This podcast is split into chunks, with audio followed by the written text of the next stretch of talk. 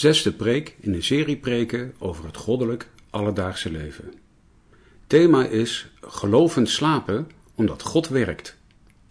Opgenomen op 1 maart 2020 in de Noorderkerk te Amsterdam. Voorganger is dominee Johan Visser.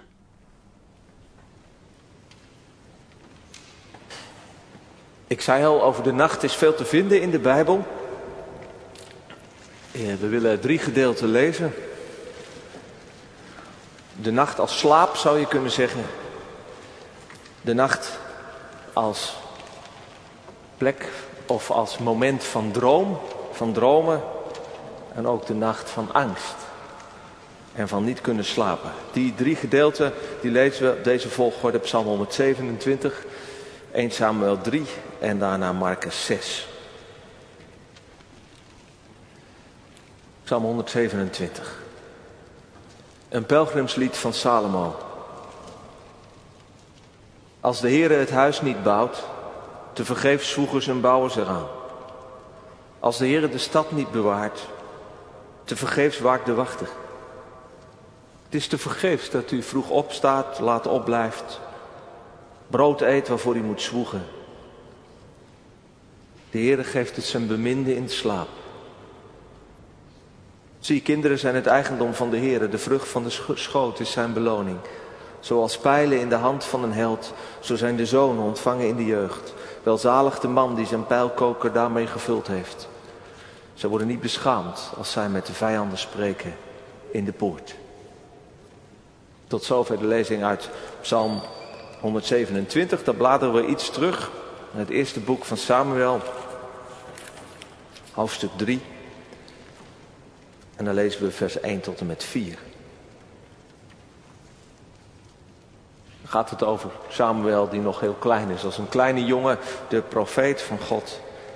Voordat hij natuurlijk echt profeet is, wordt hij geroepen. En dat gebeurt ook in het donker van de nacht. En de jonge Samuel diende de Heer onder het toezicht van Eli. Dat was de hoge priester. En het woord van de Heer was schaars in die dagen. Er was geen visioen dat in de openbaarheid kwam. En het gebeurde op zekere dag toen Eli op zijn slaapplaats lag. Zijn ogen begonnen zwak te worden, zodat hij niet meer kon zien. En toen ook Samuel zich te slapen gelegd had, voordat de lamp van God gedoofd werd in de tempel van de Heer, waar de ark van God was. Dat de Heer Samuel riep en hij zei, en Samuel zei, zie hier ben ik. Tot zover. En daarna lezen we uit het Nieuwe Testament, uit het Evangelie van Marcus, hoofdstuk 6, vers 45 tot en met 40. 45 tot 50, sorry. Het is Marcus 6, vanaf vers 45.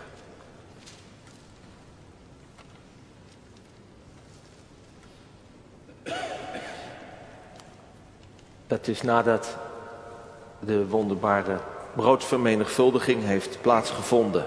Een hele grote groep mensen heeft gegeten. En meteen dwong hij, dat is Jezus, zijn discipelen in het schip te gaan en vooruit te varen naar de overkant, naar Bethsaida. Terwijl hij zelf de menigte zou, weg zou sturen. En toen hij afscheid van hen genomen had, ging hij naar de berg om te bidden. En toen het avond was geworden, was het schip midden op de zee. En hij zelf was alleen op het land. En hij zag dat ze veel moeite moesten doen om het schip vooruit te krijgen, want ze hadden de wind tegen. En omstreeks de, omstreeks de vierde nachtwaken kwam hij lopend op de zee naar hen toe en wilde hem voorbij gaan. En toen ze hem zagen lopen op de zee, dachten zij dat het een spook was. En schreeuwde luid. Want alle zagen hem en raakten in verwarring. En meteen sprak hij met hen en zei tegen hen: Heb goede moed, ik ben het. Wees niet bevreesd. Zalig ben je als je het woord van God hoort en het bewaart. Gemeente van Jezus Christus. Is het niet wat vreemd? Gelovend slapen. God dienen in de nacht. Misschien vindt u, vind jij het wel een beetje overdreven. Van die, voor misschien iets voor, voor echte gelovigen, die zelfs in de nacht nog met de Heere God bezig willen zijn. Of voor Calvinisten die nu werkelijk geen minuut van hun leven onbenut willen laten. Daar denk je misschien ook aan. De eerste gedachte bij God dienen in de nacht. Ja, dat is, dat is wakker blijven. En dat is tot in de laatste, late uurtjes bidden. Of Bijbel lezen.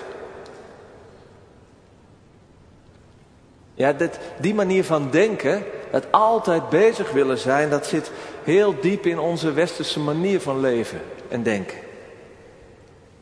En daarmee ook in de protestantse evangelische manier van geloven. En dat activisme zou je kunnen zeggen, dat is zowel de kracht als ook de zwakheid van die manier van geloven, die manier van leven. Want ja, we doen veel. We bouwen, we beleven, we communiceren. We weten veel. Maar het prijskaartje is onder andere dat we te weinig slapen. In 2018 waren er volgens het Centraal Bureau voor de Statistiek 2,9 miljoen Nederlanders van 25 jaar en ouder met slaapproblemen. En een recent onderzoek zegt dat 65% van de Nederlandse jongeren te weinig slaapt. En de reden daarvan zou wel eens kunnen zijn dat ouders veel te weinig regels stellen. Of, of allebei, het slechte voorbeeld geven. En het is een probleem, te weinig slaap. De fotografe Annabel Oosterwegel die heeft een tentoonstelling van foto's onder de naam Insomnia. Dat is een verzamelterm voor, voor uh, slapeloosheid. En in die foto's wordt de wereld van de slapelozen zichtbaar. En hoewel het prachtige foto's zijn, merk je ook, zie je bij elke foto altijd weer de levenloosheid. Dat was het woord dat bij mij boven kwam. Niet slapen is geen leven. En wie van u, wie van jullie uh, er iets van kent, en ik denk iedereen kent er wel wat van, de een meer dan de ander, die weet dat. Niet slapen, dat trekt het leven uit je. Op allerlei vlak is het slecht voor je. En daarom, typisch Westers, is op 13 maart uitgeroepen tot Wereldslaapdag. Ja, ik weet niet precies wat we gaan doen, maar ik zie er wel naar uit. Ja. Maar het is in ieder geval een dag om ons te bewust te maken van het belang van slaap. En ik bedacht mij, als kerk zouden we daar best aan mee kunnen doen. En we zouden bijvoorbeeld op die dag, 13 maart, Psalm 127 kunnen lezen en bespreken. Het is een wat onbekende en ook niet zo geliefde psalm. De zegen van veel kinderen, dat is nu niet echt iets wat in onze cultuur zo, zo heel erg, uh, ja, zo erg als een zegen wordt ervaren. En die beelden van in de poort met veel kinderen of een pijlkoker vol met pijlen, dat is ook niet echt onze belevingswereld. Het kan ook een pijnlijke psalm zijn. Dat het zo nadruk is, God geeft kinderen, maar wat als dat niet aan mij, aan ons gegeven is? Maar ik lees de psalm vooral vanwege dat ene zinnetje over die slaap. Het is trouwens ook nog wel grappig dat de naam van Salomo. Dat was echt de allergrootste bouwer en verzamelaar van het Oude Testament. De koning van groei en ontwikkeling. Dat die boven deze psalm staat.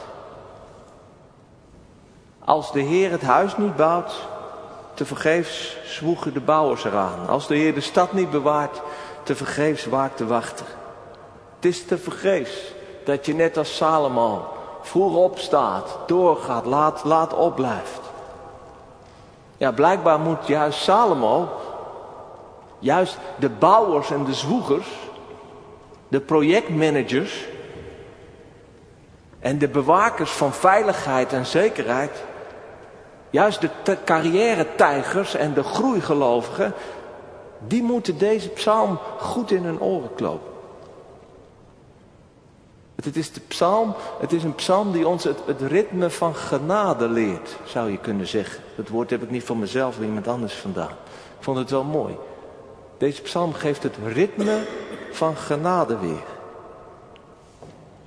Met God leven is eerst en ook telkens weer inzien en tot je laten doordringen. God is aan het werk. God dient ons. En hij is er als eerste. En de nacht en de slaap zijn daarvan tekens. Je kunt bouwen tot in de nacht zwoegen aan, aan een opdracht of aan een proefwerk. Je kunt waken tot, eh, dus, dus, dus je zorgen maken over hoe het moet en over, over die. Maar als God niet werkt en niet zorgt, is het te vergeefs. En hij geeft het zijn beminde in de slaap. Of als je het gewoon heel letterlijk vertaalt, hij geeft zijn beminde slaap. Gods beminde, de mensen die hij lief heeft, die krijgen het leven in de slaap. Ja, die krijgen rust om te slapen. En wij mogen gaan slapen in het vertrouwen dat God werkt. En, en doorgaat. En geeft wat nodig is. In een groot deel van, de, van het Oude Testament is het, is het ritme van de dag is niet zoals wij, dag en nacht, maar is nacht en dag. Wie het, wie het, uh, het scheppingsverhaal kent uit Genesis 1, die, die, die, die weet het misschien. Dat, dat zegt niet, en het was uh, morgen geweest en het was avond geweest, de eerste, de tweede dag. Nee, het is andersom. Het was avond geweest en het was morgen geweest, de eerste dag, de derde dag. Dat zegt wel iets. Dat is een beetje dat levensritme van genade. God, God begint met werk als wij slapen. De avond, de nacht is het eerste. En dan staan wij in de morgen op. En dan mogen wij meewerken. En dan mogen wij op Gods werk reageren en onze taak op ons nemen. Dus God dienen, met God leven, begint dus om ons eerst te laten dienen om God te laten werken. En dat, dat laat je gebeuren als je gewoon gelovend gaat slapen. En, en de nacht, de slaap als een geschenk van God ontvangt. Ik kwam het tegen bij Tish Warren, de schrijfster van dat boekje over het alledaagse leven, wat we in deze serie een beetje gebruiken als inspiratie. En zij vertelde dat zij, dat zij lang gewerkt heeft als een soort van pastor onder, uh, onder promovendi. Dus, dus, dus jonge uh, uh, studenten die bezig zijn met promotie aan de universiteit. En ze zegt in heel veel gesprekken als het over het geestelijk leven ging. Was het beste en het meest relevante advies wat ik die mensen kon geven. Was om eerder te stoppen. Te zorgen voor hun lichaam en langer te slapen. En ik heb ook heel veel van die gesprekken waar het heel vaak gaat over van ja, ik zou, er meer aan moeten doen aan mijn geloof. En, en, en, en bidden soms lastig en Bijbel lezen. En, ja, misschien is het gewoon heel nuchter. De oplossing zit niet in allerlei geestelijke dingen, maar de oplossing zit. Ga maar eerder slapen. Neem meer rust. Want, zegt die Tish Warren, onze slaapgewoonten die openbaren en die vormen ook waar we op vertrouwen. Dus onze gewoontes, hoe we onze dag indelen en ook hoe we met de slaap omgaan, die laten iets zien waar we echt op vertrouwen. Dus ook wat ons geestelijk leven is. En die vormen dat ook. En gaan slapen, dat is een vorm van overgave. Dat is een vorm van je toevertrouwen aan God. En wie te veel werkt en vaak de nacht doorhaalt, of, of wie doorfeest, wie geen rust neemt omdat je eerst nog even dit wil volgen en dit zien, wie zich helemaal door de zorgen laat pakken, zodat je, dat je eh, met, met een hoofd vol nog in, in, in, in bed ligt. die heeft uiteindelijk een ongelovige leef gewoond. Omdat je in die manier van leven laat zien dat je niet op God vertrouwt. Of kunt vertrouwen, hè? want dat is natuurlijk ook nog, dat speelt ook een rol. Bezorgdheid, je zou het misschien wel willen, maar je krijgt het niet weg. En Hilarius van Poitiers, een kerkvader uit de vierde eeuw, die noemde dat een goddeloze bezorgdheid om Gods werk te doen. Een goddeloze bezorgdheid om het werk van God te willen doen. Ja, want wat zit er nou achter dat we zo lang doorgaan? Bijvoorbeeld dat je maar niet van je scherm af, af kunt. Of ook dat, je, dat je de hele nacht wilt doorfeest. De nacht doorhalen, dat is een uitdrukking die kende ik niet uit Vlaanderen, maar hier kom ik hem vaak tegen. Ja, aan de ene kant heeft het natuurlijk te maken met een soort van vlucht. je wilt ontsnappen uit een leven dat heel veel vraagt. En daarom ga je er dus even lekker, lekker, lekker door. Hoef je nergens aan te denken. Maar aan de andere kant zit er volgens mij, en ik herken het, ik herken het ook bij mezelf, er zit er ook iets van een soort van verlangen naar onbegrensdheid in. Je wilt helemaal los van God doorgaan.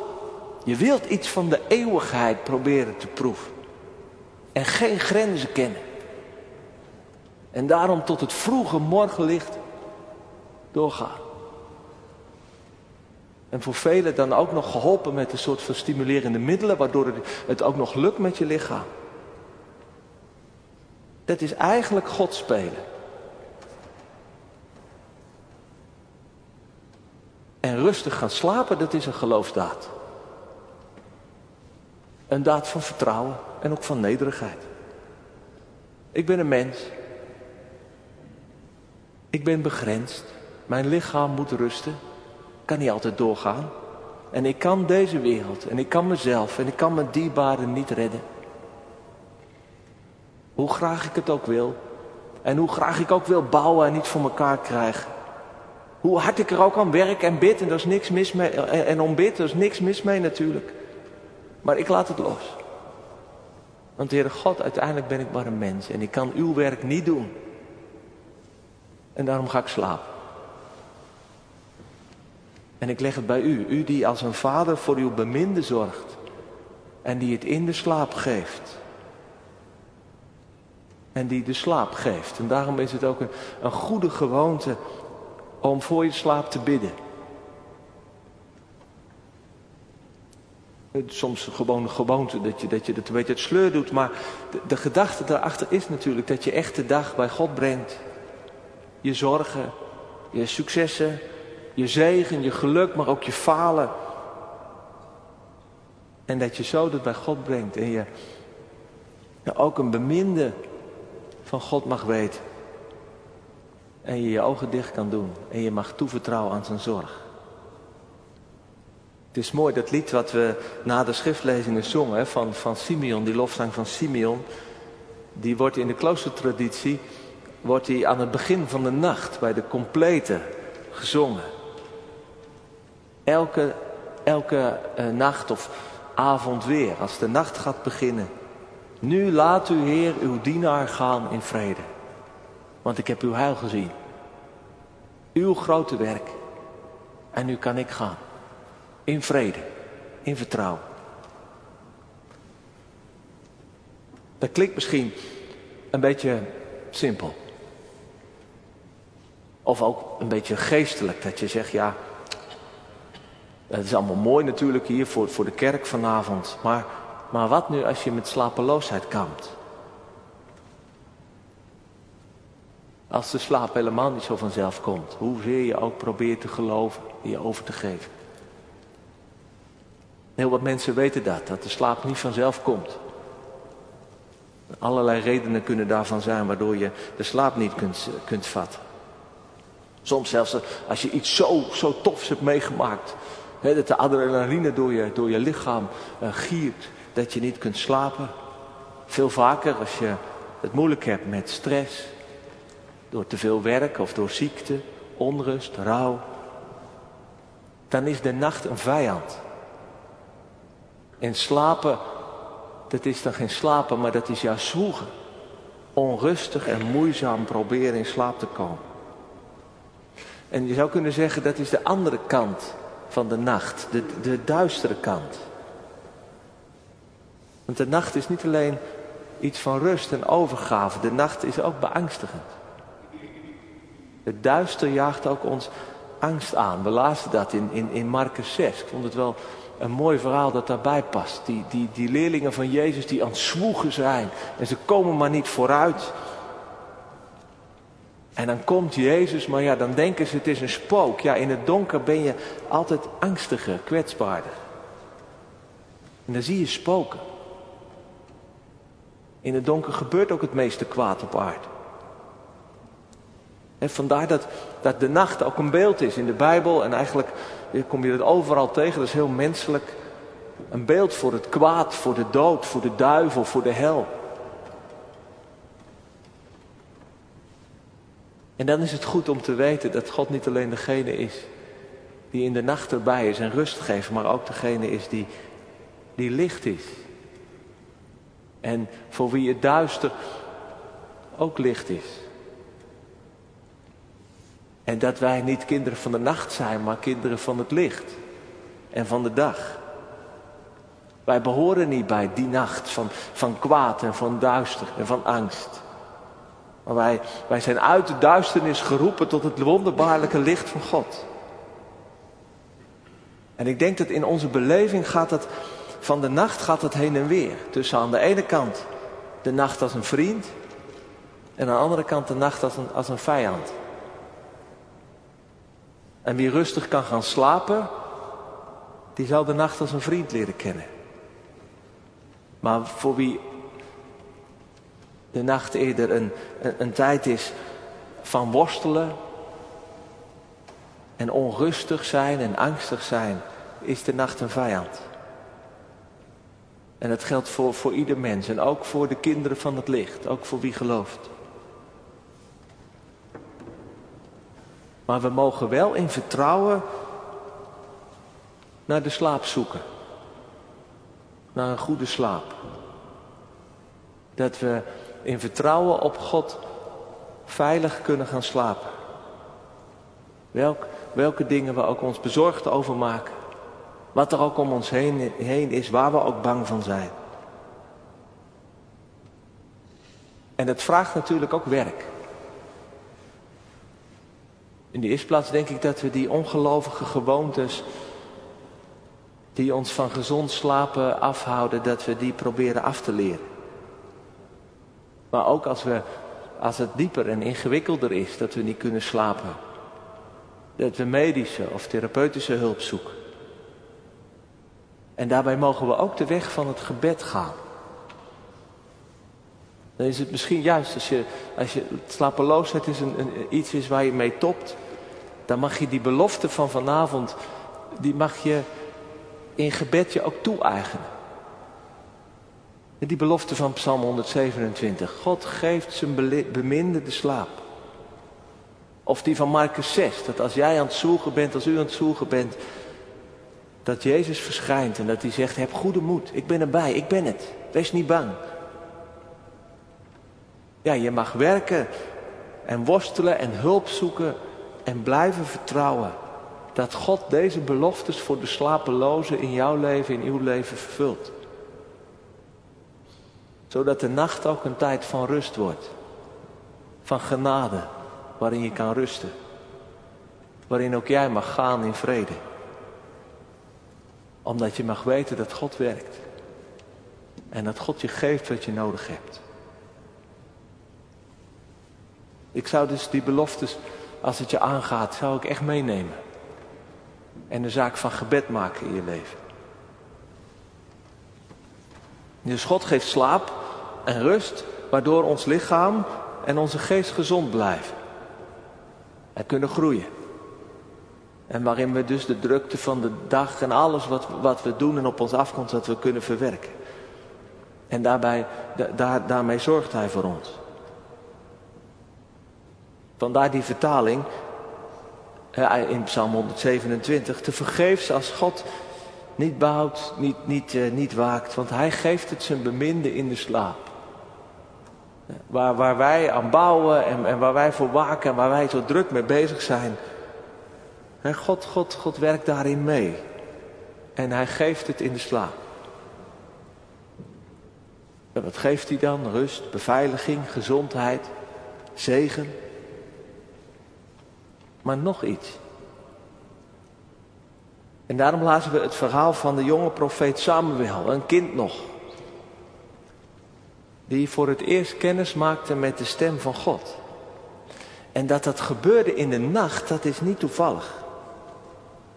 Want God spreekt veel vaker in de nacht. Door dromen en visioenen.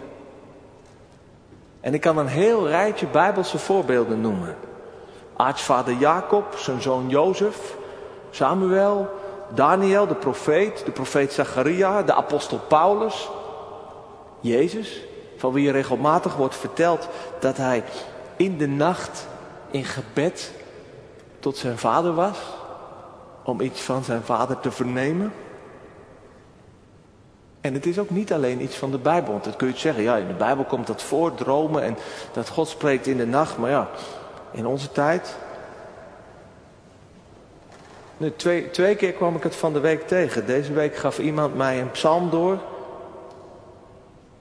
Die in een moment van wakker worden in de nacht doorkwam.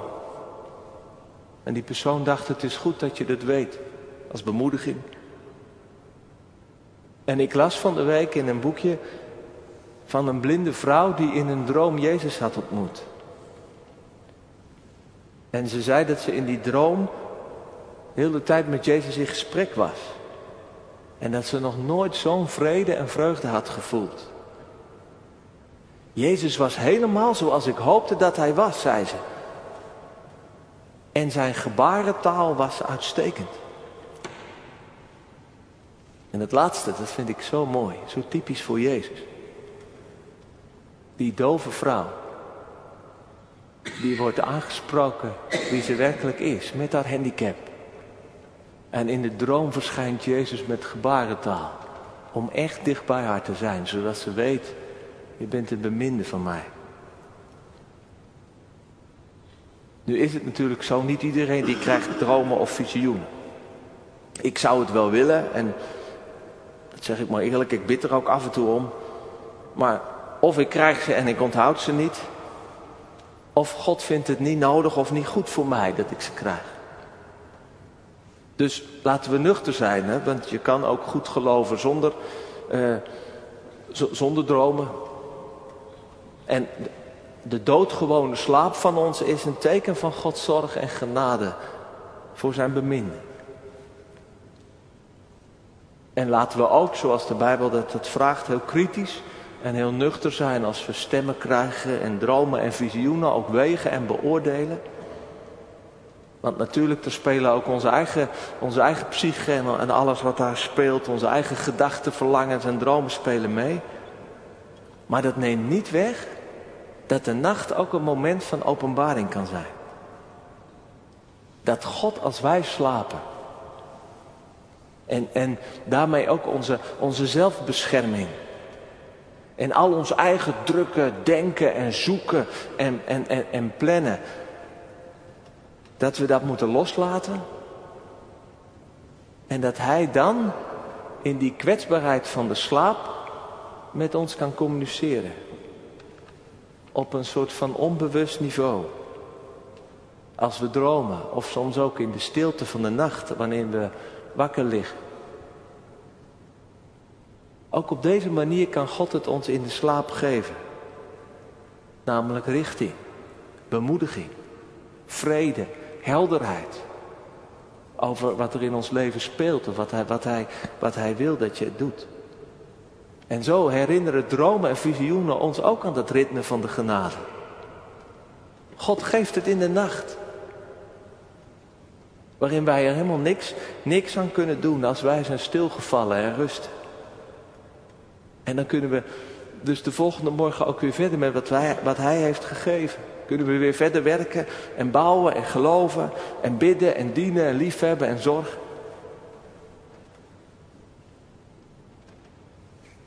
Zo kun je dus met wat je hebt ontvangen in de nacht van God aan slaap.